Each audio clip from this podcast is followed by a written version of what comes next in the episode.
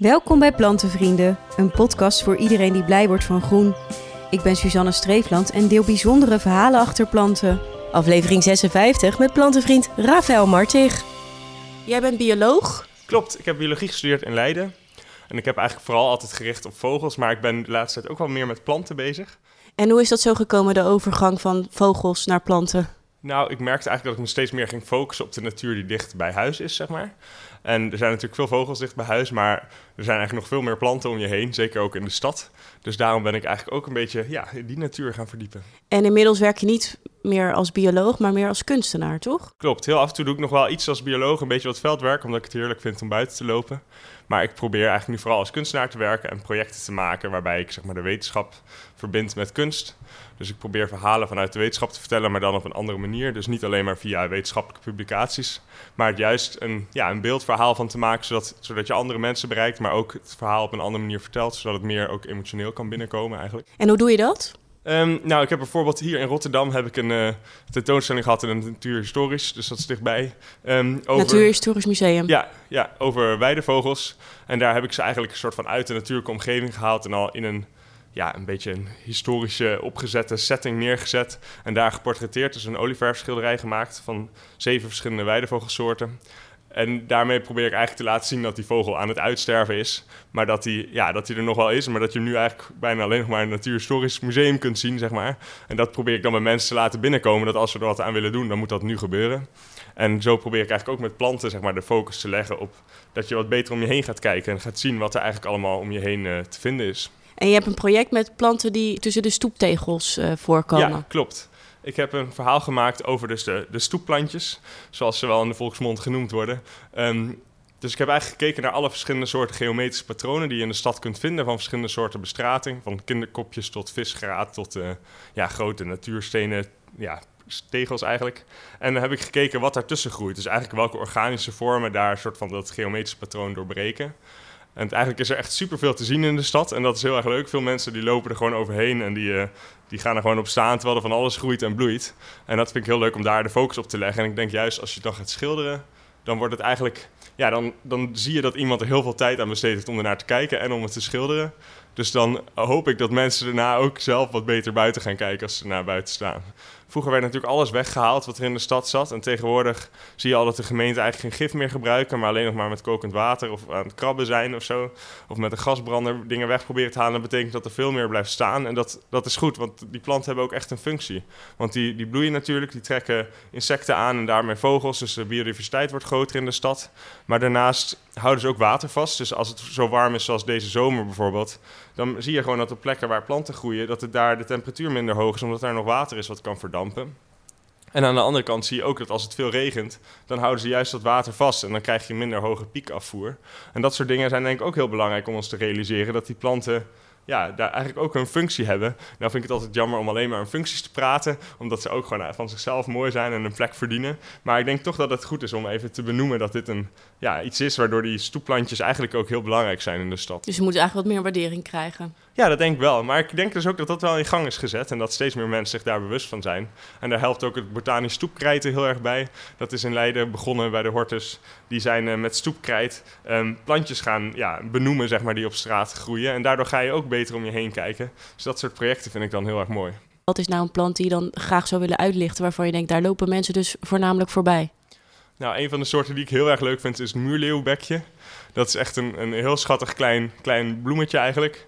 En dat is een soort die, die eigenlijk hier niet voorkwam in Nederland en het echt, echt een cultuurvolger is eigenlijk. En die stad ziet hij eigenlijk als, ja, als nieuwe plek met een rotsige omgeving. Want je, ze komen van nature vooral in Zuidoost-Europa voor, Italië, Kroatië en zo, die, kant, die hoek.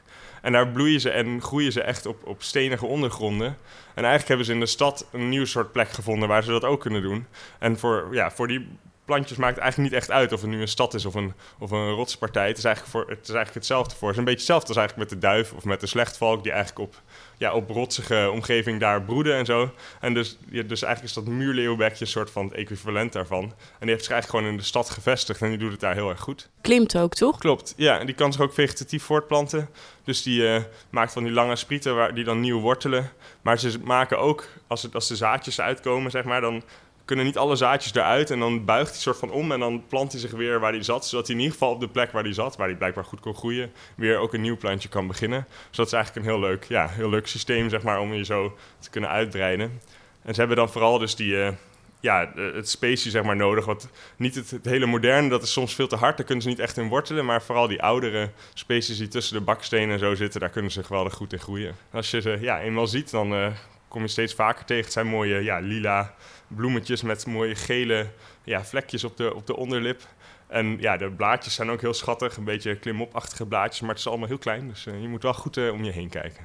En hoe komt het nou dat mensen dat doorgaans niet zo snel doen, goed om hun heen kijken? Ja, ik denk dat het te maken heeft met dat we toch over het algemeen heel erg gehaast zijn. En dat we, als we ergens lopen, dan zijn we vooral bezig met dat we ergens heen gaan. En we zijn muziek aan het luisteren. En ja, we kijken eigenlijk niet meer zo heel goed om ons heen, denk ik.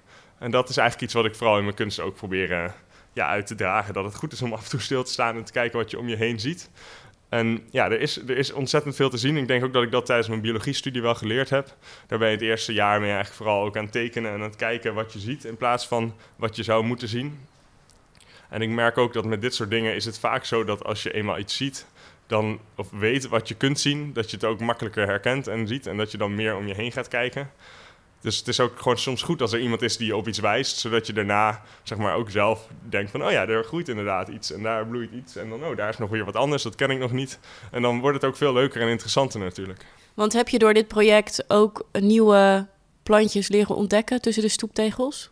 Um, ja, zeker. Want ik heb, ik heb zelf ook tijdens mijn studie natuurlijk een flora-cursus gedaan en veel geleerd. Maar nu bijvoorbeeld een van de plantjes die ik niet kende was het voegelingetje. Dat is echt een superklein plantje wat, wat al heel vroeg in het seizoen, daarom heet het voegelingetje denk ik, um, tevoorschijn komt. Echt een paar dagen nadat er sneeuw was geweest. Wanneer was dat? Niet dit jaar, maar het jaar daarvoor. Toen zag ik hem opeens overal tevoorschijn komen en ik had er normaal nooit naar gekeken. En nu, doordat ik zelf ook daarmee bezig was geweest, viel me dat opeens op. En dat is een klein plantje tussen de tegels met witte bloemetjes, ja, toch? echt een heel klein rozetje. Misschien uh, drie, vier centimeter of zo. En dan een stengeltje nog van drie, vier centimeter of zo. Dus echt heel klein. Dus dat is heel erg leuk om dan te zien, ja. Dan krijg je zelf ook weer inspiratie. Ja, zeker. Het is voor, mij, voor mij heeft het ook wel echt de ogen weer geopend. Want ik dacht al wel dat ik er goed naar keek. Maar hierdoor ben ik nog wel weer beter ook gaan kijken. Dus dat is heel erg leuk. En je hebt ook nog een stekje meegenomen voor uh, in de plantenbiep? Klopt. Ik heb een heel traditioneel uh, stekje meegenomen. Maar voor eentje die bij mij in de familie een, een leuk verhaal is. Dit is een, geranium, een hele oude geranium. Die al 50 jaar bij ons in de familie uh, rondgaat.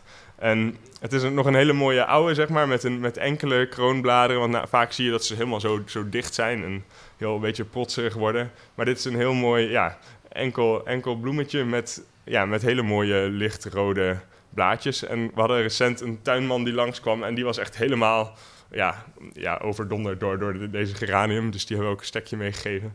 Dus uh, het, is, ja, het is heel leuk om weer zo'n zo'n oude plant... die ook natuurlijk met de stad geassocieerd is... omdat die vaak uh, ja, in de stad te zien is...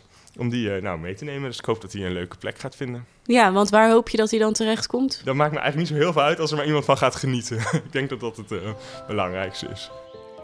De plantenbieps die zijn te vinden op plantenvrienden.nl. En op Instagram deel ik de updates van alle stekjes die mijn gasten weggeven in deze podcast... Heb je zelf een verhaal te delen? Dan kan je dat mailen naar podcast.plantenvrienden.nl. Leuk dat je luisterde en tot de volgende aflevering.